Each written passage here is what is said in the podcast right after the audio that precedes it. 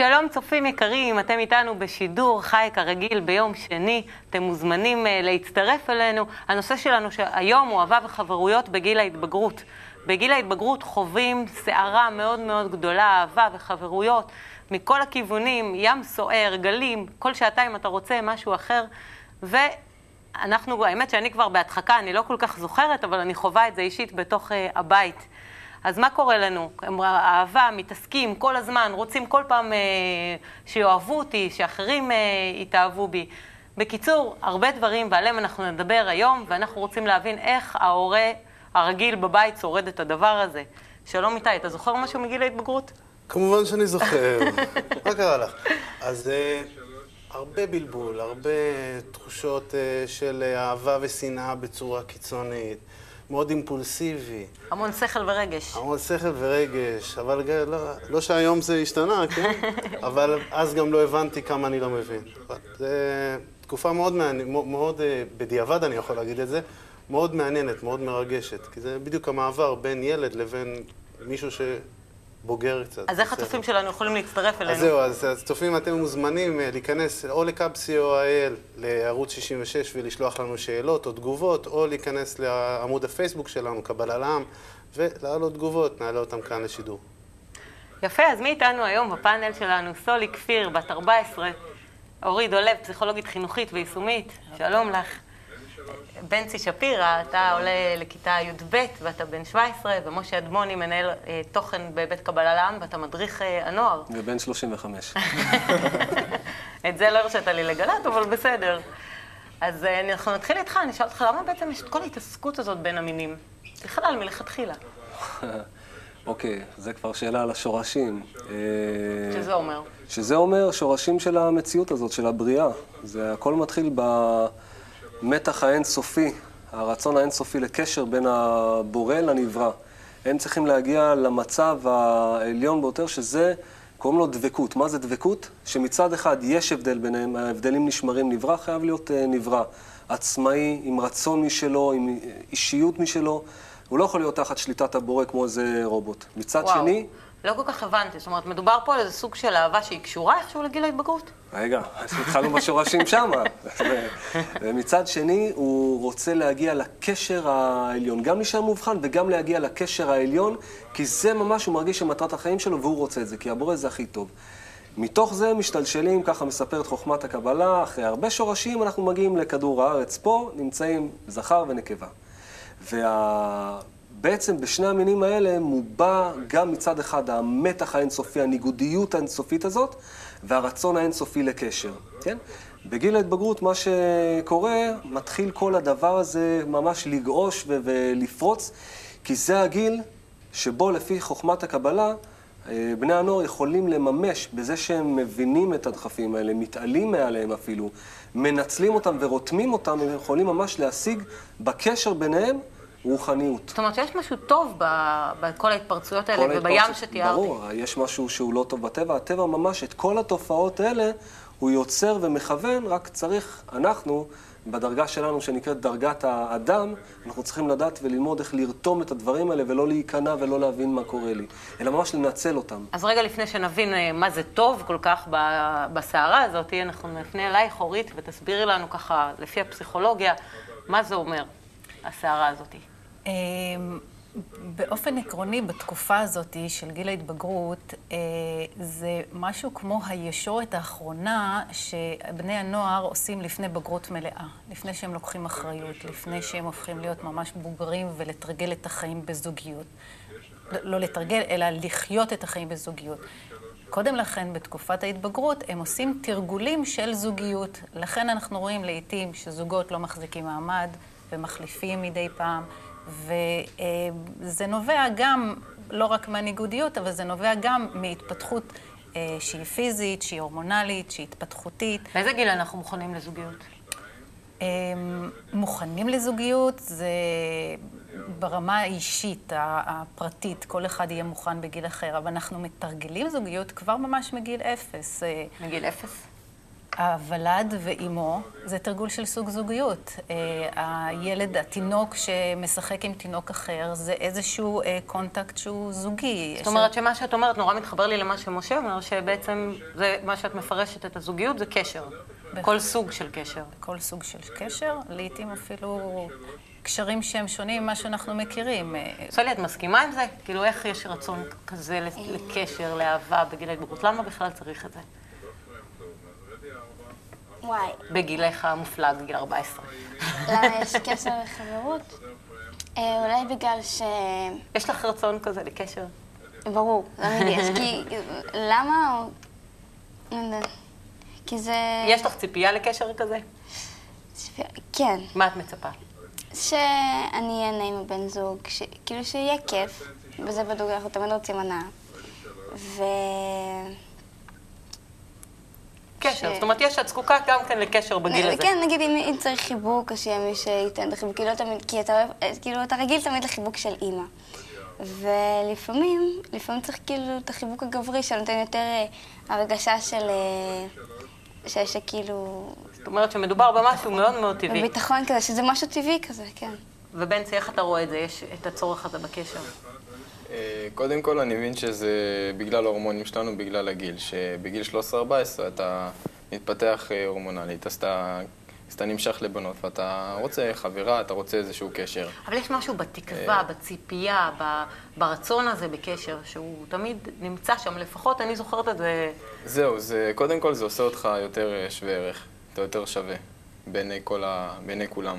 אתה נהיה יותר גדול, אתה נהיה יותר... הזוגיות שלכם, הקשר שלכם זה כוח, אתם משפיעים אחד על השני. הרבה פעמים גם אתה רוצה שיהיה לך, כאילו, עם מי לחיות את החיים, כי זה, לא יודע, ככה אני מרגיש. שאם אני הולך לספר לחבר שלי משהו, או לאבא ואמא, זה כבר לא זה. כבר לא זה. אתה, אתה מתאמן, אתה עושה איזה משהו, אתה רוצה שחברה שלך תגיד לך, וואי, איזה גבר, אתה חבל על הזמן. כאילו, אתה, אתה רוצה את ההרגשה הזאת. זאת אומרת, יש פה עניין של הרבה כבוד והתעסקות עם עצמך בעצם בקשר הזה. יש פה תיאור יפה ששולחת לנו מעיין. נדמה לנו שאהבת נעורים היא אהבה לא בוגרת וחולפת. כמה היא? מעיין היא בת בערך 25. נדמה לנו שאהבת נעורים היא אהבה לא בוגרת וחולפת, אבל בגלל ההורמונים של הגיל ההתבגרות, היא יותר עוצמתית מאהבה של גילאים יותר מבוגרים. אז לא לזלזל כאילו בקטע של הרגשות האלה. יש פה משהו עוצמתי. משה, איך עושים את ההפרדה הזאת בין אותם הורמונים שכבר הוזכרו פה לבין אותה כמיהה לקשר, הרצון? איך בעצם מחנכים? אתה עובד עם נוער. כבר די הרבה זמן. איך הם מכינים אותם? כי בעצם יש התעסקות מאוד גדולה בגיל הזה עם הדבר הזה.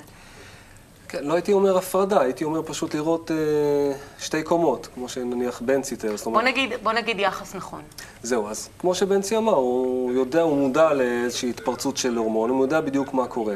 עכשיו, כל השאלה זה אם אני יכול אה, באמת להתבונן בזה ולהיות מעל זה, להבין את זה ולדעת למה זה נועד, ואולי אפילו, אפילו, איך להשתמש. כי level אחד שאנחנו מכירים זה, אני מבין את זה, אני מודע לזה, אבל אני בתוך זה. level אחר זה האם אני יכול לעשות משהו עם זה. ופה יש תהליך אה, מאוד אה, יפה, האמת היא, שהשיטה, שיטת החינוך שאנחנו עובדים לפיה, שיטת הקבלה, מציעה בעצם שכל מין הוא מתחיל ללמוד את עצמו. ובהתחלה, אפילו בחלק מהפעמים בצורה נפרדת. למה? כי צורה שהיא מעורבת, אז ישר, אז אתה מכיר איך זה, בנות בנות, בנים בנים, מה כל זה, אחד... אז מה זה אומר? גם בבתי ספר יש אה, שיעורים בנפרד לבנים ובנות, שיעורים לחינוך כן. אה, מיני, שיעורים ל... אבל מה, השאלה, כל השאלה היא מה המטרה. המטרה פה בחינוך הזה זה שבנים קודם כל יבנו לעצמם דמות, מודל, מוסכמת על כולם, שהיא נתקבלה מכולם, זה נקרא, התקבלה מכל הקבוצה, וכאילו כל קבוצת הבנים יוצרים איזושהי דמות אחת, הגברית. איך היינו רוצים שתהיה, האידיאל שלנו, וכולנו מסכימים עליה. וממש בכמה פגישות הם בונים אה, דמות כזאת. במקביל, באותו, אפשר לקרוא לזה דמיון מודרך, למשל, הם בונים את דמות האישה. מה זה אישה? אז בהתחלה כמובן מתקבלת איזושהי דמות מאוד, אה, עם מידות ככה מאוד אה, אופייניות למה שאנחנו רואים בפרסומות והוליווד, אבל לאט לאט כשזה, ויש הרבה צחוקים ומבוכה, אבל לאט לאט זה קצת הדברים האלה מתקלפים, ואז הם מתחילים בקשר ההדדי ביניהם באמת לברר מה אנחנו רוצים. אותו דבר גם אצל הבנות. גם אצל הבנות בכלל יש סיפור ארוך של אה, מחליטות ביחד על לבוש, על איפור, מוחקים את כל ההבדלים הלא טבעיים ביניהם. שבמקרה מישהי הגיעה והיא להתאפר או להתלבש יפה והיא מרגישה את עצמה עליונה, אז לא, את הדברים האלה מסירים, ואנחנו, הבנות מחליטות בינם לבין עצמם מי זאת האישה האידיאלית. כל זה מתחילים בגיל ההתבגרות או שכבר לפני? גם לפני, כבר לפני, אפילו מגיל 11 אפשר להתחיל את כל הדיונים האלה וההכנה לחיי הזוגיות. אני יכולה לעשות את זה בבית? בבית אה, אפשר במידה מסוימת, אבל אה, שוב, מהורה שהוא, אנחנו מגדירים אותו הדינוזאור או הרהיט, קשה לבן הנוער אה, לקבל משהו ממנו, כי הוא, מה הוא מבין אותי? הוא לא מבין, הוא לא יודע איזה רגשות יש וזה, והאמת היא זה נכון. אני חושב שרובנו שכחנו מה זה להיות בשלב הזה. אבל זה לא פוסל, אני רק אומר שהכי טוב בקבוצת השווים לעבוד. אחרי שאנחנו פחות או יותר יצרנו בקבוצת הבנים דמות גבר ודמות אישה שלהם פנימית, איך אנחנו מתייחסים אליה, בדמיון, כן, לכל אחד דמיונות שלו, אותו דבר אצל הבנות, אבל באופן שלא יהיה מותנה מדברים כאילו חיצוניים. כן, איך הוא צריך להיראות, ועם ריבועים פה, וניתוחים שמה, ולא יודע, ותספורות כאלה, גם אצל הבנות. אנחנו מחליטים מה טוב לנו.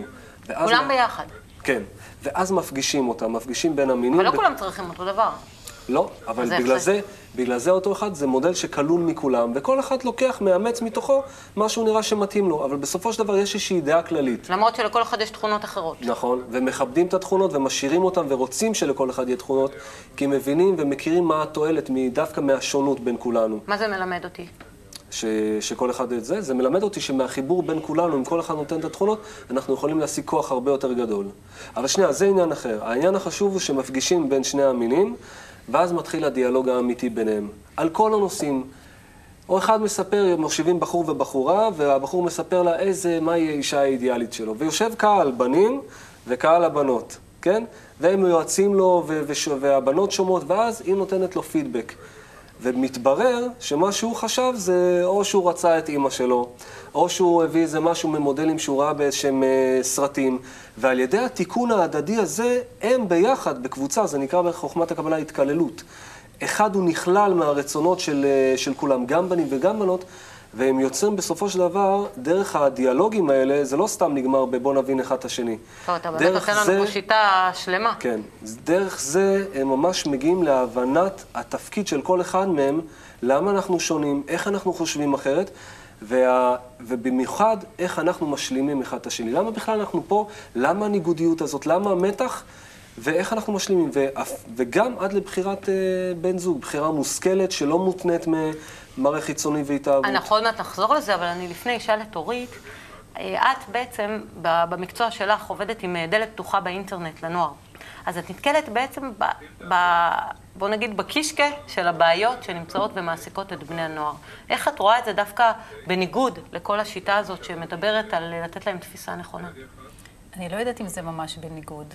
אני חושבת שיש ל, אה, יש פן שהוא, אה, כמו שקראתם לזה, גשמי, שהוא בעצם יותר עסוק בחלקים החיצוניים. בדברים שהם מבחינת אולי השיטה שלכם, השיטה שלנו היא אה, אה, שוליים וקליפות וחסרי משמעות. מה שבפועל קורה זה שאנחנו מנסים לבדוק איתם אם הם מבינים את האיכויות וערכים שיש לאופי של האדם וליכולות שלו לעשות אה, מערכות יחסים כאלה שיניבו את הכי טוב שיכול להיות להם. אבל איך הם עושים את זה? מהתנסות. אה, הרבה פעמים אה, אה, רואים המון סרטים והמון ויבות ואח גדול, ויש שם המון מערכות יחסים שהן מאוד לא חיוביות בלשון המעטה. הם רואים בתוך הבית, לעתים מערכות יחסים תקינות, לעתים מערכות יחסים לא אבל תקינות. ההתנסות בגלל זה הופכת להיות מאוד כואבת. ההתנסות הופכת להיות כואבת, אה, אבל היא מחויבת המציאות, לבדוק אם אני רוצה לעשות זוגיות כמו ההורים שלי, או אם אני רוצה להיות ההפך מההורים שלי, או אם אני רוצה לעשות את זה כמו בוויבה, או אם אני רוצה לעשות את זה באיזושהי דרך. והיות ויש שני גורמים בתוך הזוגיות הזאת, אז כל אחד מביא את התכנים שלו את לשם. חושבת שזה אפשרי, סולי? שזה אפשרי ש... ליצור כזה מודל אה, הרבה יותר טוב מאשר מעל הסרטים, מעל כל הדברים. כן, כן. איך את רואה מתוך הסביבה שאת אה, צופה בבית ספר, כשאת מגיעה לבית ספר, אם זה באמת אפשרית היום לעשות את זה? עם וואו, כל ההסתכלות החיצונית צריך וכל עבודה רבה הדברים להשקיע שם, כי הם נורא מתעסקים בדברים שהם הם לוקחים נגיד את האח הגדול, כנגיד, אה, זהו, זה הזוגיות שאני רוצה שתהיה לי, וזה... ולדעתי זה נוראי כי זה לא מה שבאמת צריך להיות וזה לא אהבה אמיתית. ומדבר כזה שאתם רואים, ושאנחנו רואים, לא יכול לצאת משהו אמיתי. אתה חושב שזה אפשרי? אה, האמת שחשבתי על זה הרבה. כאילו, מה, מה, מהו, מהו המודל האידיאלי? והתבשל אצלי הרבה זמן רעיון בראש. אני חושב שאנחנו נרוויח הרבה מזה שלא נתייחס לזה שהילדה שמה בושם של דולצ'ה גבנה ואחת אחרת לא אתה שמה. יכול להגיד מה שאתה רוצה, למרות שהוא המדריך שלך. כן, אני יודע.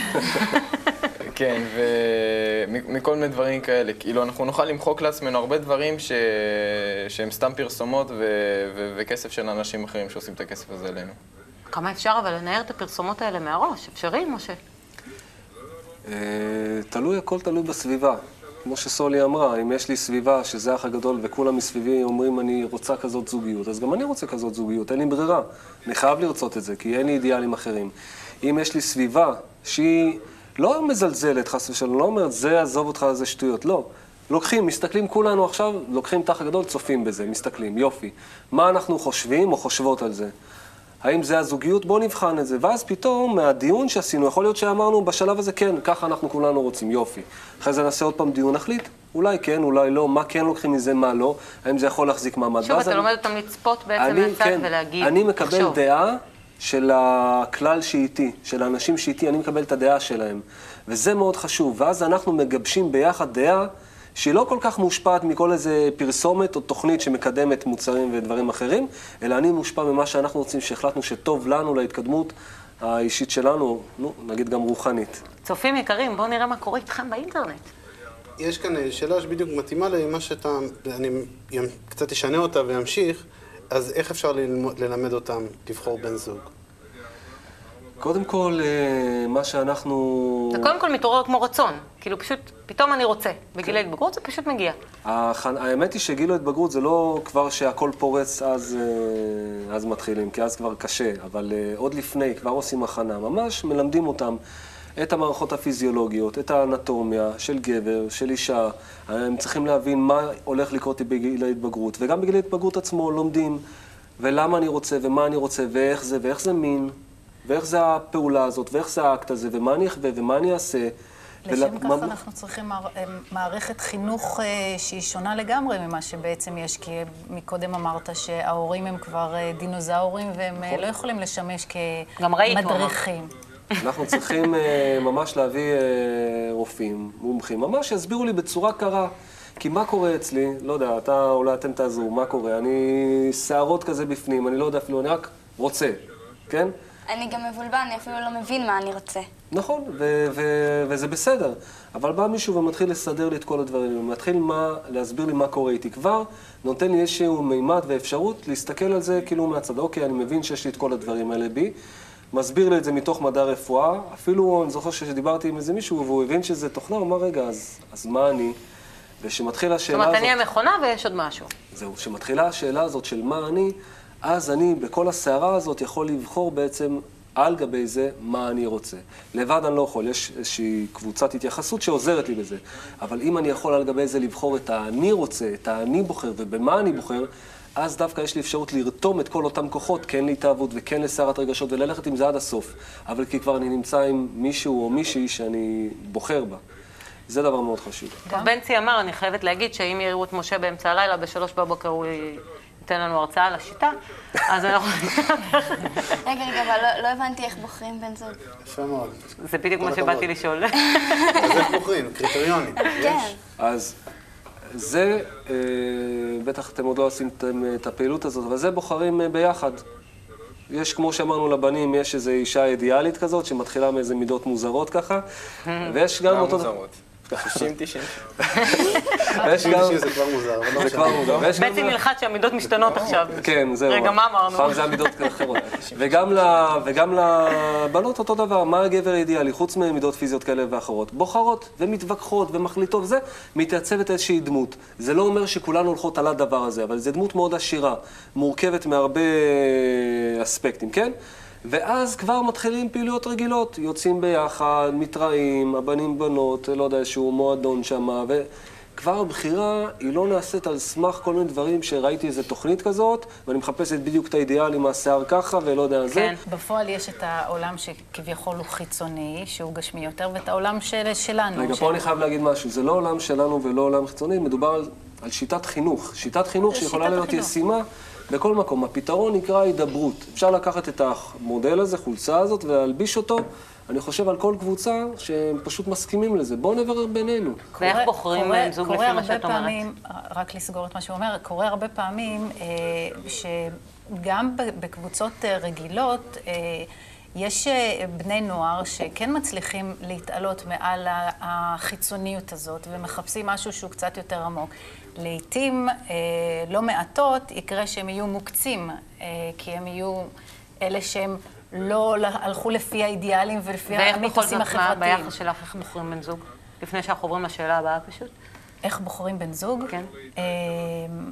אה, אני חושבת שצריך... איך מלמדים אותם לבחור בן זוג? אה, צריך לעשות אה, חשיבה מוקדמת ולהחליט אה, מה אני אוהבת, אה, מה טוב לי, אה, מה אני לא אוהבת, מה לא מקובל עליי בשום פנים ואופן. אה, אה, האם התנהגות כזאת או אחרת של בן, זוג, בן הזוג שלי אה, יכולה גם להיות תואמת אותי? זאת אומרת, אני כאימא יכולה- צריכה ליצור איתם איזה סוג של דיון כזה? אה, אני חושבת שיש משהו בדיון שבין הורים לילדים, גם אם יש איזשהו קושי אה, לילדים להקשיב להורים, ואוי, אימא, נו, תעזבי עם השטויות שלך, ולא בא לי לשמוע, לא מתאים לי לדבר איתך על זה, אז אפשר לבוא ולהגיד, אוקיי, אה, אני אה, רוצה להגיד את מה שיש לי להגיד, אתה לא חייב לשוחח איתי כרגע. סולי, אפשר לנהל כזה? זה נשמע לך דמיוני או שזה... אה, לנהל עם אימא, אני... אני לא יודעת, אבל אני רציתי להגיד משהו שכשהוא בראש שלי כבר, שמה שמשה אמר, אה, שאת הדיון הזה עם הקבוצה, אפשר אולי לעשות בבית ספר, בכיתה. כל כיתה עם עצמה אה, לראות, ואז אולי להשוות גם עם כיתות אחרות. ואז כאילו לבנות את הגבר האידיאלית, האישה האידיאלית, ואז לראות כאילו איך להתכוון עם זה. אפרופו אנחנו שדיברנו נותנים על... שיטות למורים, כן.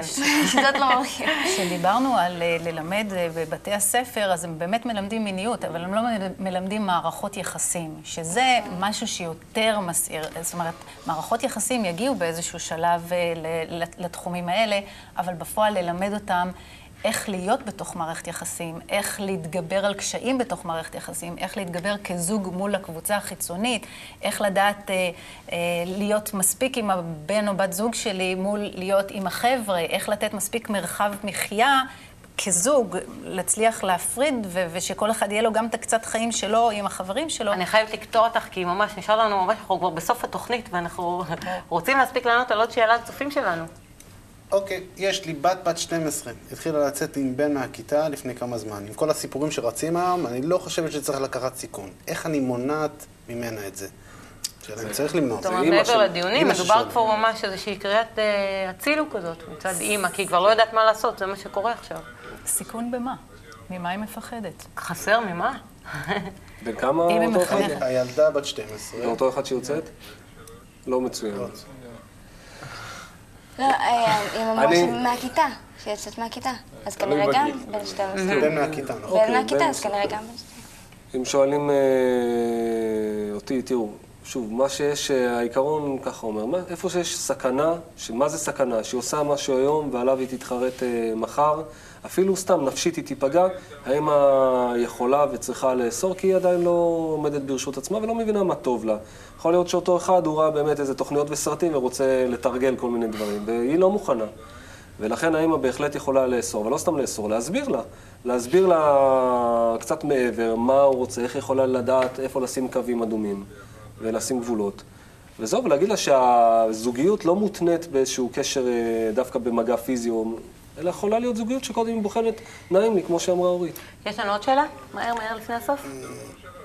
אה, יש לי בן בגיל 16. כואב לי לראות את האכזבה שלו והציפייה שלו.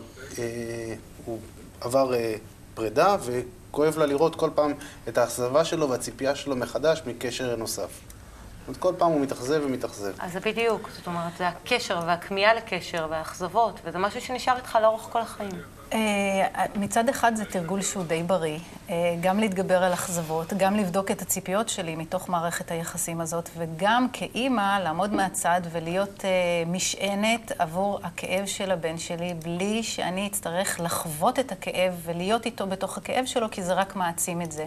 אם הוא יראה את הביטחון שלי כאימא בזה שהוא יעבור את השלב הזה ויעבור את התקופה הזאת, וכנראה זה חלק מ...